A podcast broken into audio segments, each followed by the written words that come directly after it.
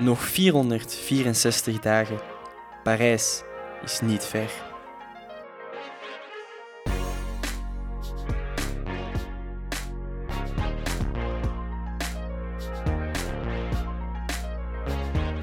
Hallo allemaal, welkom bij de eerste aflevering van Parijs is niet ver. Een podcast gemaakt door studenten sportjournalistiek. Ik ben Thibaut. En ik ben Erwin en dit is de gast van vandaag. Ik ben Lise Vroeks. Uh, ik ben Olympisch kajakster. Um, ik ben 31 jaar. Ik kom uit Pelt, Limburg. En ik doe al uh, 22 jaar een kajak. Hoe gaat het op dit moment met je, Lise? Uh, best goed. we zijn nu volop aan het trainen voor de wedstrijden die eraan komen.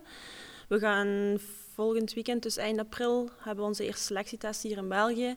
En daarna komen de wereldbekers er al snel aan, dus ik heb er wel zin in. Dus de voorbereidingen naar volgend seizoen die verlopen eigenlijk goed? Ja, bij mij wel redelijk goed, ja. Ik kan niet klagen. Misschien voor de luisteraars even te duiden. Kajak heeft verschillende disciplines en verschillende codes heb ik overal gelezen en gevonden. Je hebt C1, C2, C4, K1, K2, K4. Kan je eens uitleggen wat de verschillen zijn juist? Uh, ja, dus C staat voor uh, canoe, kano, en K staat voor kajak. Ik doe kajak, dus dat is K. En dan 1, 2 en 4 is er. K1 is voor één persoon, dus een, een, boot voor één persoon. K2 is een boot voor twee personen en K4 is een boot voor vier personen. Dus ja, het is eigenlijk vrij simpel. en jij bent vooral een fan van met twee? Uh, ja, dat is ons, uh, eigenlijk meestal ons hoofddoel wel, ja, de K2. Omdat we een heel sterk team hebben. Ja, we gaan helemaal terug naar het begin. Van wanneer had je zo die droom, ik wil kajakster worden? Oh, uh, ik, um, mijn, mijn, mijn familie zit heel hard in de kajaksport. Dus ik ben er eigenlijk vanaf kleins af aan mee opgegroeid, omdat mijn opa heeft onze club in Neerpelt opgericht en dan zijn al zijn kinderen erin gekomen. Dus mijn papa die was daar ook nog altijd mee bezig toen ik zo jong was. Um, ik ben eigenlijk eerst aanvankelijk begonnen met zwemmen. Maar toen ik dan uh, negen jaar was, toen um, ben ik uh, ook beginnen met kajakken. En ja, ik vond het echt superleuk. Ik ben ook echt een waterrat, dus ik vind het wel echt een leuke sport. Dus het was niet zo moeilijk voor jou om in die sport te rollen, omdat het een sport is die niet zo heel veel wordt gedaan in België misschien. Je kan het op niet zo heel veel plaatsen doen ook. Nee, er zijn niet zo heel veel clubs in België. Er, allez, er zijn er wel wat, maar bijvoorbeeld bij, voor mijn discipline sprint zijn er misschien maar 10 tot 12 echt actieve clubs in heel België die dat doen. Uh, maar er zijn ook ja, clubs die water, uh, kajakpolo doen en uh, rivier en, en al, die andere, al, al, die andere disciplines. Dus er zijn wel wat clubs, maar ja, inderdaad, voor de sprint is het ook niet zo eenvoudig om er eentje te vinden. In Limburg is er maar eigenlijk één club, dat is die van ons, die echt actief aan uh, sprint doet. Het is misschien ook leuk, we zitten hier in Willeboek. Wat gebeurt er hier juist? Want ik denk dat dit wel ja, een uitvalsbasis is voor jullie, voor de ja. Belgen. Ja, dit is de enige echte goede watersportbaan die we in België hebben voor ons. Um, er is er ook nog eentje in Gent, maar ja, die is iets minder comfortabel. Um, en ja, eigenlijk is het het soort van nationaal centrum, dus uh, het kajak en zo ook het groeien. Uh, die nationale teams komen hier wel vaak samen in de voorbereiding voor wedstrijden.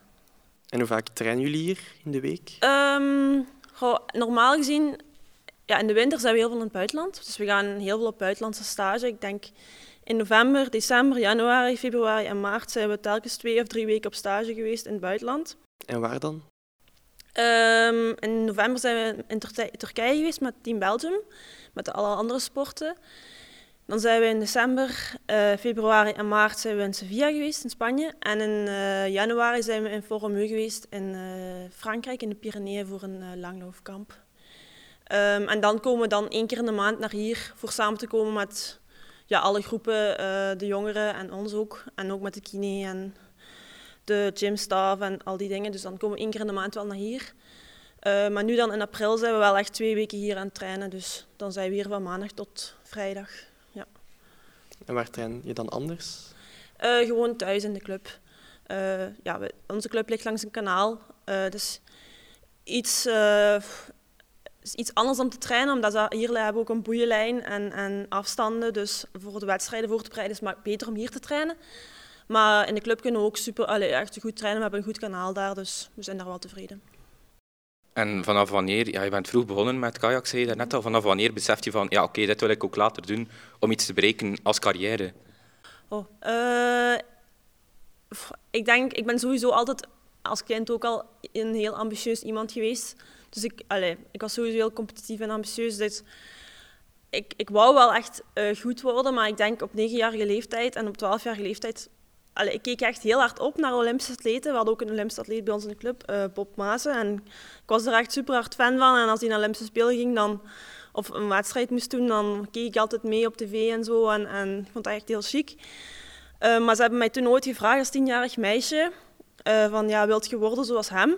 En toen heb ik nee gezegd, gewoon omdat ik dat ook allemaal zo heel indrukwekkend vond. Of ja, die, ik wist dat hij heel veel naar het buitenland was en, en, en al die dingen. En ik, dat maakte mij zo ook wat bang. um, maar ja, ik weet niet, stap voor stap rolt je daar ook gewoon in. Als je dan bij de, uh, bij de beste van België zijt, um, krijg je dan ook de opportuniteit om internationale wedstrijden te gaan doen. En ik vond dat echt superleuk. Ik doe echt heel graag wedstrijden. Um, dus ja, stap voor stap ben ik daarin gerold en heb ik dat, is dat, ben ik ook wel beginnen dromen van die Olympische, van die Olympische Spelen. Ja. ja. En um, heb je al vroeg in je carrière beslist dat je die korte nummers wilde doen? Um, ja, die korte nummers zijn de Olympische nummers. Dus als, wil, als je naar de Olympische Spelen wilt gaan, dan moet je al aan die korte nummers uh, gaan. Maar als, als jongere was ik eigenlijk ook heel goed in de lange afstand. Er is ook discipline marathon. Um, en dat deed ik ook super graag. En heb ik ook enkele medailles gehaald bij de jeugd en bij de belofte. Um, maar ja, dat is niet Olympisch. Dus ja, na een tijd heb ik ook wel echt besloten om me meer te focussen op de sprintnummers en meer op de kracht. En, en, en dat lag me ook wel. Ik was op dat moment gewoon iets beter in de lange afstand. Maar nu is dat totaal andersom. Nu ben ik beter in de sprint en de marathon is echt super moeilijk. Ik heb er vorige week nog eentje gedaan en ik dacht echt, oei, het is niet meer aan mij besteed. En hoe lang is dat dan, die marathon? Um, internationaal is dat rond de 26 kilometer. Oké. Okay. Wow. En wat maakt het dan juist zo moeilijk? Gewoon ja, de kracht die je nodig hebt en de uithouding? Of? Uh, voor de marathon? Ja. Uh, goh, ja, dat is, dat, is, dat is een hele lange uithoudingswedstrijd. Uh, en ik heb ondertussen ook 6 of 7 kilo meer mee, omdat ik meer spieren heb. Dus dat, dat, ja, dat, dat weegt wel allemaal. Um, en ik ben ook niet meer getraind op die echte lange stukken. We doen af en toe in de winter wel eens een 20 kilometer training. Maar dat is toch nog wel iets heel anders dan, uh, ja, dan zo competitief uh, zo'n lange afstand varen. Dus, ja. Ondertussen ben je ook volop actief in de K2 vooral. Mm -hmm. Hoe komt dan de samenwerking tot stand om zo met een duo te vormen? Um, ja, dat wordt eigenlijk meestal gewoon een beetje bekeken uh, wie er in België op dat moment goed is. Toen ik uh, bij de jeugd uh, voer, toen had ik een, een, maatje bij mij in de club. We waren even oud en we hadden een hele goede K2. En toen, als junior zijn we altijd met die K2 dan internationaal geweest. Um, dat meisje is dan uh, rond, de 20, rond de, toen ze 20 was gestopt. En dan was Hermine eigenlijk al, al eigenlijk vrij top. Die was toen ook al sneller als mij. Dus toen hebben ze dan besloten om ons twee in de K2 te zetten. Omdat wij op dat moment de twee snelste waren van België. En dan hebben we daar een project mee opgestart en, en wel redelijk snel wel wat resultaten gehaald en daar ook geld voor gekregen om dat te ondersteunen. Dus dat gebeurt nu bij ons ook, bij de jongeren ook. Ze kijken een beetje van, oké, okay, wie, wie kan samen matchen? Waar kunnen we iets mee bereiken? En dan gebeurt dat. En was het meteen een match tussen jullie twee? Uh, ja, eigenlijk wel. Ja, ook Hermine en ik zijn ook van dezelfde club, dus dat is ook wel fijn dan. Dat helpt wel, ja. Um, en ja, we zijn ook maar twee jaar verschil, dus dat was op dat moment wel ook heel tof dat we samen konden trainen. We studeerden ook allebei in Leuven. Um, dus ja, dat was wel een goede match inderdaad. Uh, maar ja, evenzeer moet je daar wel hard aan werken aan een teamboot. Dat is niet iets waar zomaar makkelijk gaat. En was het dan speciaal om met haar naar die Olympische Spelen in Tokio te gaan? Ja, toch wel. Omdat we toch toen al bijna tien jaar samen aan het werken waren. Dus dat was ook wel echt een droom om daar samen heen te gaan. Omdat je daar zo lang al allez, samen elk, elk jaar zo je inzet om uh, ja, wedstrijden te doen. Maar ook, je wilt elkaar beter maken en dat is ook wel tof om dat dan samen te kunnen delen. Nee, je zei ook dat je opkeek naar iemand uit de club, je een soort van idool. Mm -hmm. Was het dan extra speciaal om ja, het ook waar te maken en ook op die spelen te staan en dat ja, je jeugd erom waarmaken? Ja, ik vond vooral de selectie heel speciaal. De, de, op de Olympische Spelen staan zelf vond ik ook wel chic, maar wat, wat mij het meest bijgebleven is van, van de dingen was echt die selectie. Gewoon het feit dat je die selectie haalt om daarheen te gaan, dat was voor mij echt wauw. Of ja, ja dat, dat was echt een, zo'n dream come true. Of ja. Ja, dat was eigenlijk al dan, dan, inderdaad specialer dan op die spelen staan. Dat was, ja, ja. Dat, ja, gewoon ook omdat dat ook echt niet zo, niet zo eenvoudig is bij ons. Dus ja. Yes. En klopt het dat de ambitie zelfs was voor de Spelen om een finaalplaats te bereiken? Ja, ja zeker. Um, ja, we, we, ja, we waren wel een beetje teleurgesteld met ons re- resultaat op de Spelen in onze K2. Ehm, ja, pff, jammer. Of ja, we hebben uiteindelijk een negende plaats gehaald. Ik bedenk er achteraf nog steeds dat er die finale wel in zat, maar het kwam er niet op het juiste moment uit. En dat is wel spijtig. Dus Want voor de finale moet je top 8 halen Ja. in de halve finales en dan ja. ja, top 4 in de halve finale. top 4 in de halve finales en dan de beste 8 Ja. Ja. komen in de finale. En dan hebben jullie de B-finale gewonnen, als ik me niet vergis. Ja, en ka- hoe kan je daar dan nog voor opladen voor zo'n B-finale? Achter die ontgoocheling. Ehm, dat kunnen wij wel vrij goed. Allee, wij, wij worden niet, allee, we zijn wel zo... Als we neerslagen worden, staan we ook wel vrij snel terug op. En, en doen we ook wel eens gewoon ons best. En zoals ik zei, ik doe graag competitie, maar Hermine is ook echt een competitiebeest. Dus zeker als we dan terug aan de, aan de lijn staan, dan gaan we ook gewoon ons beste van onszelf geven. En dat hebben we dan toen ook gedaan. Waren jullie toch nog trots dan dat jullie die B-finale wonnen? Want het moet nog steeds een, ja, Ja. een leuk gevoel zijn om ja, de Olympische Spelen toch een negende plek te halen. Ja, zeker wel. En dat was ook een goede wedstrijd, dus dat gaf ook wel troost. Ehm, maar ja, dat is, dat is toch nog steeds wel iets wat een beetje knaagt. Eh, dus ja, we willen dat in Parijs wel echt wel kunnen overdoen en beter doen. Dus jullie hebben eigenlijk drie jaar gehad om jullie volop voor te bereiden. Misschien die frustraties van in Tokio mee te nemen om in Parijs helemaal recht te zetten en een finale te halen. Hopelijk. En achter eh, de K2 deed je nog mee aan de K1 ook. Ja. Lukte dat om, daarvoor, om je daarvoor nog op te laden voor, de, voor dat individueel nummer? Eh, goh, dat was voor mij wel echt moeilijk. Eh, zeker ook omdat ik voelde ook, ik, was, ik had niet de, de, de vorm waar ik ook op gehoopt had. Ik voelde me niet super goed. en ja, om dan zo individueel aan de start te gaan staan, dat is toch weer zoiets heel anders. Dat was moeilijk voor mij, maar ik heb dat wel proberen van te genieten en, en ook gewoon mijn best gedaan. En ja, dus daar ben ik ook wel gewoon tevreden van dat ik echt gewoon mijn best heb gedaan en het best heb gedaan wat ik op dat moment kon. Dus. Hoe was die Olympische beleving in Tokio? Ja, heel anders dan normaal gezien eh bedoeld, bedoeld zou zijn, denk ik. ik heb, ja, dat was mijn eerste spelen, dus ik kan ook niet vergelijken met iets anders. Ehm, maar ja, we werden eigenlijk heel hard eh, opgesplitst van iedereen. We mochten ook niet samen lokaal gaan zitten met andere atleten. Je gaat dan wel in dezelfde zaal eten, maar dan, ja, die tafels waren ook zo ingedeeld met, met plastic eh, afschermingen. Dus je werd eigenlijk zo tegen iemand aan het praten door de plastic heen. Ja, dat maakt het toch allemaal zo'n beetje, ja, zo wat jammer ook. Ook zeker in het pre-camp, dan eh, zaten we twee weken in een hotel en we mochten ook dat hotel niet uit. Ja, ik, zit, ik, ik, ja, ik liep daar echt de muren op. Ik ben, ik ben er niet zo goed in om gewoon ergens te moeten zitten en wachten. Ik ga graag eens een keer naar buiten en, en zo eens een keer rondlopen of zo, maar dat mocht niet. Eh, dus ja, dat was wel iets minder. Maar ja, eh, langs de andere kant ben ik ook gewoon blij dat het door kunnen gaan. Het had ook even goed kunnen zijn dat ze hadden gezegd van oké, we doen het niet. Dus in dat opzicht kunnen we wel blij zijn dat het ook gewoon door is gegaan. Ja, voor de duidelijkheid, voor de mensen die het niet moesten weten, het was natuurlijk ja, met corona. Ehm, kon je dan ook eigenlijk tijdens dat pre-camp ook niet trainen? Of kon dat nog wel? Jawel, dat mocht wel. Dus we mochten eruit puur om te gaan trainen. Dus dan hadden we een auto, dan reden we naar, naar onze boten dan. Boot in, boot uit, terug naar het hotel. En zo was het dan twee keer per dag. En was dat ook nog een beetje leven met angst om ja, toch niet ziek te worden, toch niet besmet te worden? Want ja, het, leefde wel nog steeds. Ja, ja, een beetje wel. Zeker de eerste dagen na de vlucht was is het toch wel erg spannend. Maar daarna zaten we ja, in dat hotel, daar was niemand. Of ja, we zaten daar vrij alleen. Was het nog, eh, nog twee Zweedse atleten dan met hun staf. Die zaten dan met drie of vier man. De kans is dan ook heel klein dat je dan nog iets krijgt. En ook, die zaten ook afgesloten met eten en zo. We kwamen daar bijna niet meer in contact. Ehm, dus ja, daar had ik niet echt schrik voor. En in het Olympisch dorp, daar werd ook alles heel goed gemonitord. Dus ja, toen had ik er al niet meer veel schrik voor. Het was vooral na de vlucht dat ik wel even wat schrik had, maar daarna niet meer echt. En waar hield je je dan mee bezig als je niet moest gaan trainen eh, in het hotel? Ja, Hoe vul je dan je tijd? ja dat, is, dat is saai, hè. Ja. ik, kan me, ik kan- me moeilijk voorstellen hoe je dan een hele dag nog kan vullen in een Ja. hotel in, in Japan dan nog. Ja, ja, er was niks te doen. hè. We, we, we hadden wel wat spelletjes bij en zo. En, en kruiswoordraad en zo van die dingen. En dan series kijken op Disney en, en zo van die dingen. Maar ja, dat, dat begint ook te vervelen. Zeker als je maar tuurlijk. 2,5 uur of zo per dag buiten bent. Dan moet je al die andere uren vullen en de, en de rest, ja.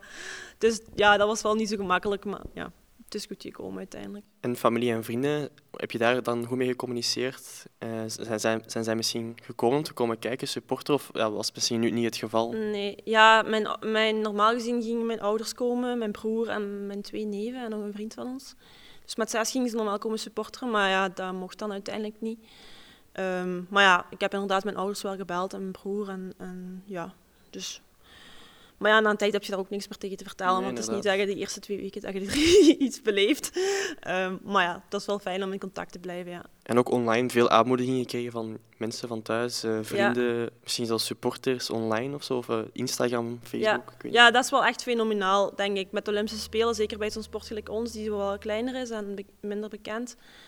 Dat toch wel opvalt hoeveel reacties en, en, en berichtjes en zo dat je ook krijgt. Dat is wel fijn, inderdaad. Ik moet wel zeggen dat ik tijdens de wedstrijden zelf meestal mijn gsm wel een beetje wegleg, dat ik daar niet te veel naar kijk, maar dan kijk ik er achteraf wel naar.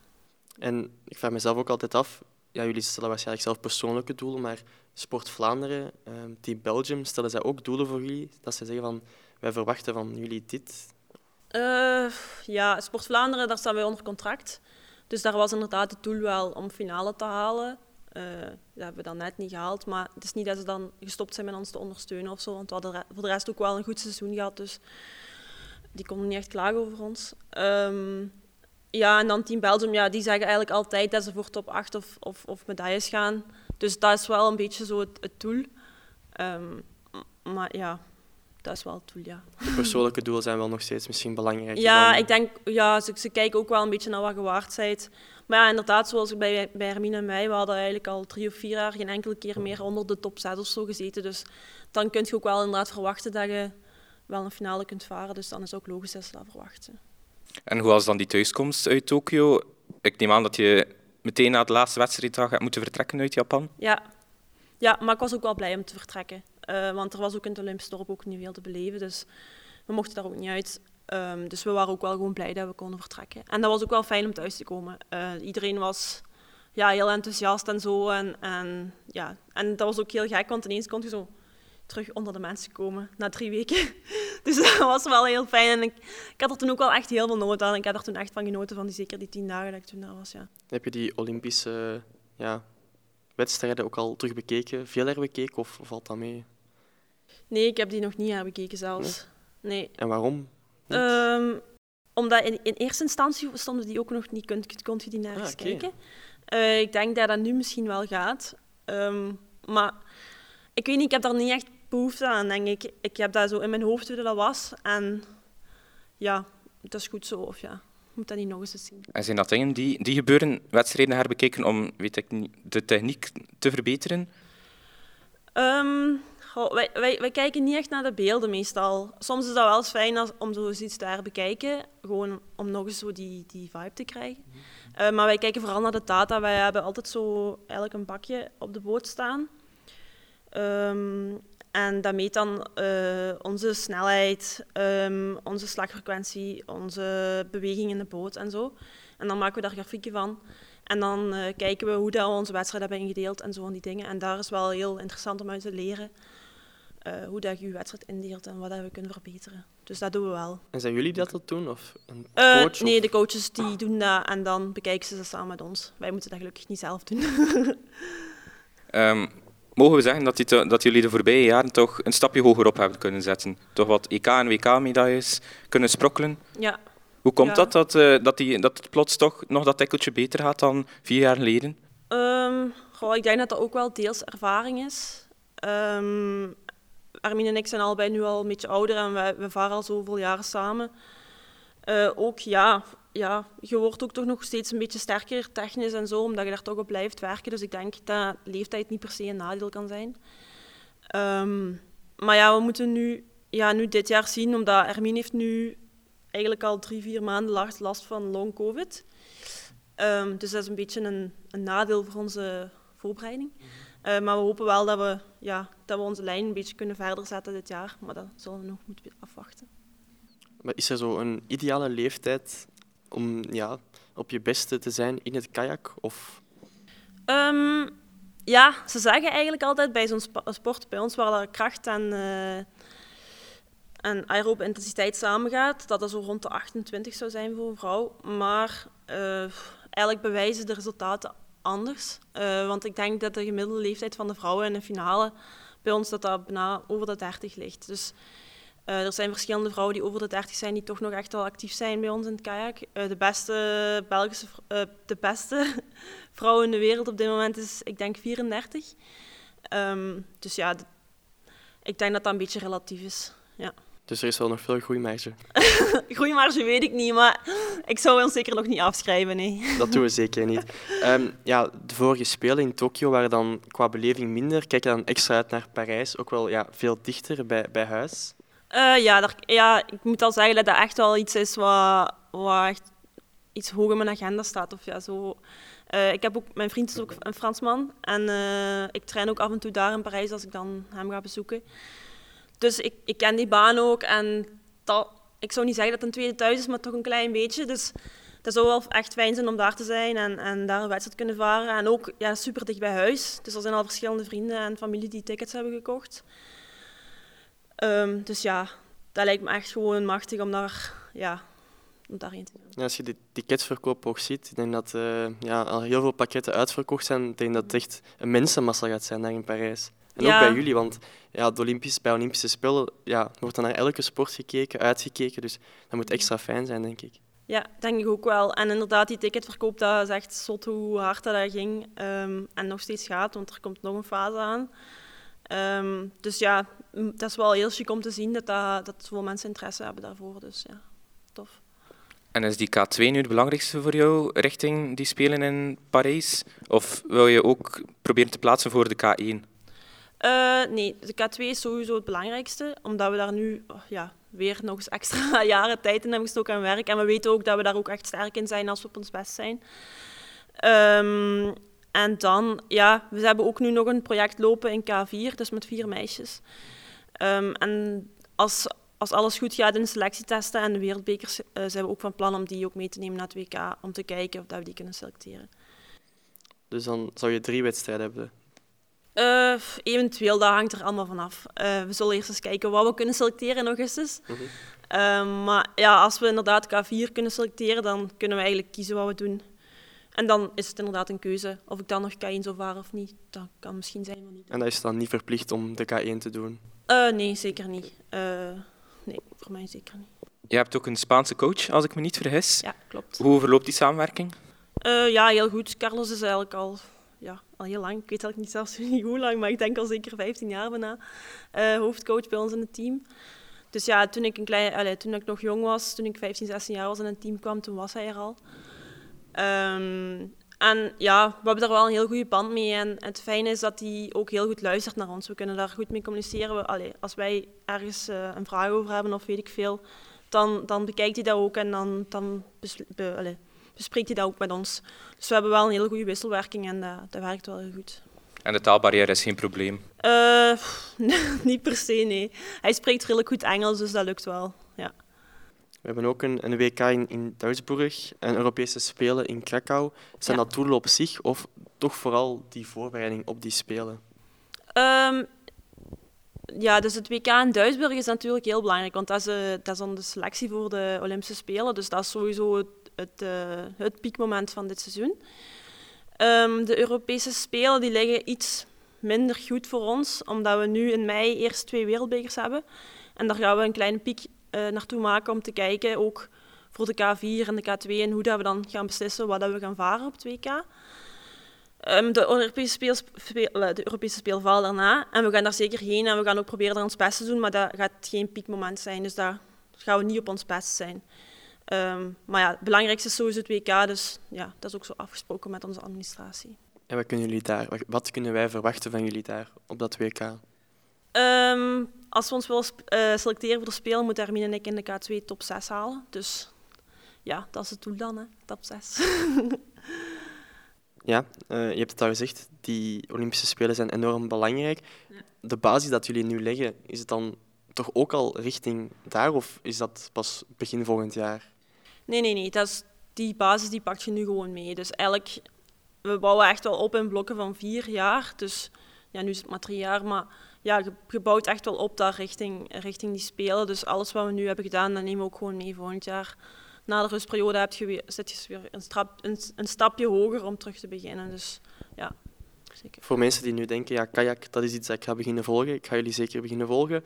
Um, wie is de wereldtop bij jullie, bij de vrouwen? Um, de, wereld, de beste van de wereld komt uit Nieuw-Zeeland. Uh, Lisa Carrington. Die heeft al verschillende, ik denk vier, vijf Olympische gouden medailles.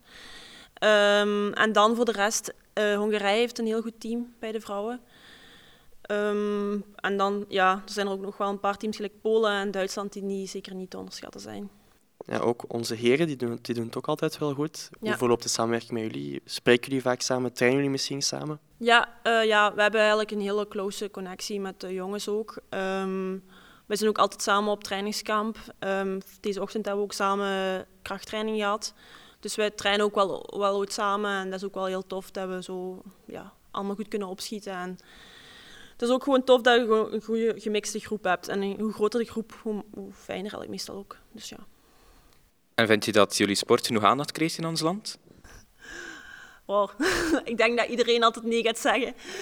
Um, ja, eh, kajak krijgt niet veel aandacht, maar langs de andere kant wordt kajak ook uh, niet zo heel veel beoefend. Dus ik snap dat ook wel. Er zit ook heel veel minder geld in dan bijvoorbeeld andere sporten, gelijk tennis of zo, of, voetbal. Dus dat is ook, ook wel een beetje logisch dat we iets minder aandacht krijgen. Um, maar ja, het blijft wel jammer, want het is een supermooie sport. En um, ja, het verdient ook wel wat aandacht, zou ik zeggen. Ja, het is wel jammer, vind ik, want jullie zijn toch tenminste outsiders voor Olympische medailles. En dan zal waarschijnlijk de aandacht weer stijgen, stijgen richting de Spelen, maar mm -hmm. op dit moment is er daar weinig aandacht voor. Is dat niet ja, wat, wat jammer? Ja, dat is jammer, maar ja, dat, dat, is wel, dat is wel zo. Dat is wel gewoon echt zo.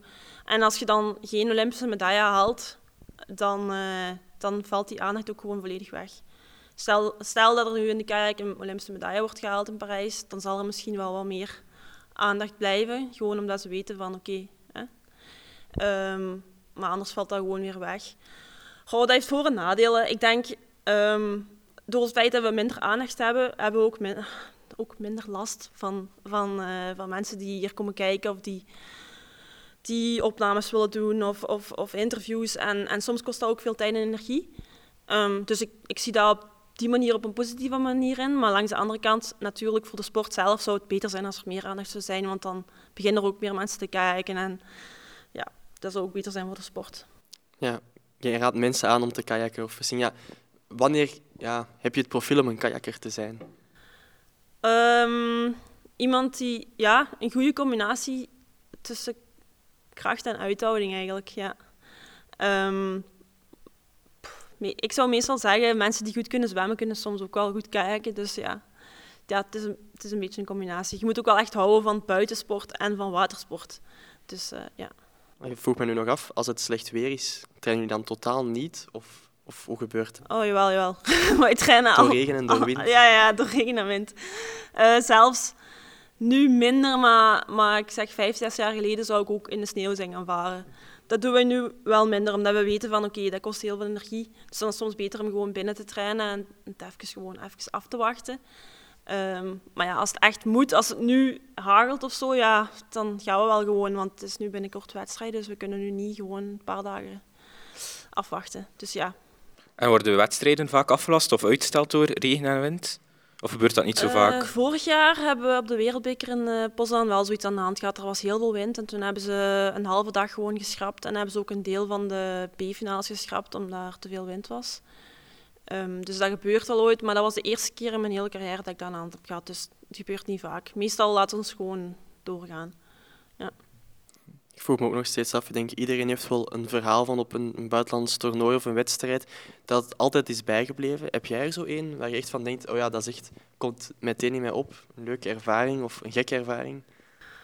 Oh, ja, dat komt nu eigenlijk niet direct in mij op, dat je het zei, ja. Niet per se eigenlijk. Waarschijnlijk zijn er wel zo, maar ja. Maar het is wel altijd leuk om naar het buitenland te gaan en je op te laden voor, voor zo'n wedstrijd. Ja, ja, zeker. Ik vind dat echt wel super tof, ja. En als je dan naar het buitenland gaat, koppel je daar dan nog uh, wat uitstapjes aan of is het meteen terugkeren naar België achteraf? Ja, dat zou ik wel graag willen, maar op een of andere manier lukt dat nooit. Vorig jaar hadden we een wereldkampioenschap in Canada en ik dacht al twee jaar daarvoor, oh leuk, WK in Canada, dan kunnen we daarna even op vakantie gaan. Maar ja, dus toen hebben ze beslist dat ze tien dagen later het EK gingen houden in München. Ja, geen keuze dus, hè. dat was gewoon meteen terug naar huis. Uh, ja, we hebben eigenlijk niks van Canada gezien, alleen de stad zelf. Uh, en ja, ja, dan is het zo. Maar ja, dat hoort er natuurlijk ook bij. Uh, als ik die mogelijkheid zou hebben een keer, zou ik dat natuurlijk wel willen doen, maar ja, het zit er niet echt vaak in. Ja, over die kampioenschappen vorig jaar. Naar welk toernooi hebben jullie gepiekt of was het gewoon een één lange piek naar beide toernooien? Ja, we hebben toen inderdaad gewoon gepiekt naar het WK toe en dan die piek doorgetrokken tot het EK, omdat dat ook redelijk dicht op elkaar zat. Dat was alle twee in twee weken tijd. Dus normaal gezien kun je dat wel met dezelfde piek doen, dus dat hebben we dat ook zo gedaan. En dat werkte best goed toen. En vind je het fijn dat het nu deel uitmaakte van ja, een groter toernooi, de Europese kampioenschappen, waardoor het misschien ook wat meer aandacht kreeg? Uh, ja, dat was, wel, dat was wel echt tof. Uh, zeker ook, um, zeker dan als er ook afgaf met de sportzaal, had er dan ook wel iets meer aandacht voor. En dat is dan toch wel fijn uh, dat we dan allee, toch wel een beetje meer in de media komen. En, en voor onze sport zelf is dat ook wel echt goed. Ja, dat merkte ik wel. Dat was wel echt tof. Mensen die naar wedstrijden willen kijken, hoe kunnen wij wedstrijden kijken van jullie? Ja, uh, dit jaar komt er een nieuw platform. Ik, ik weet nog niet echt hoe het is, maar normaal gezien komen onze wedstrijden altijd op uh, YouTube via livestream. Maar nu hebben ze via de Internationale Federatie een ander platform uh, opgezet. Ik weet niet meer goed hoe het noemt.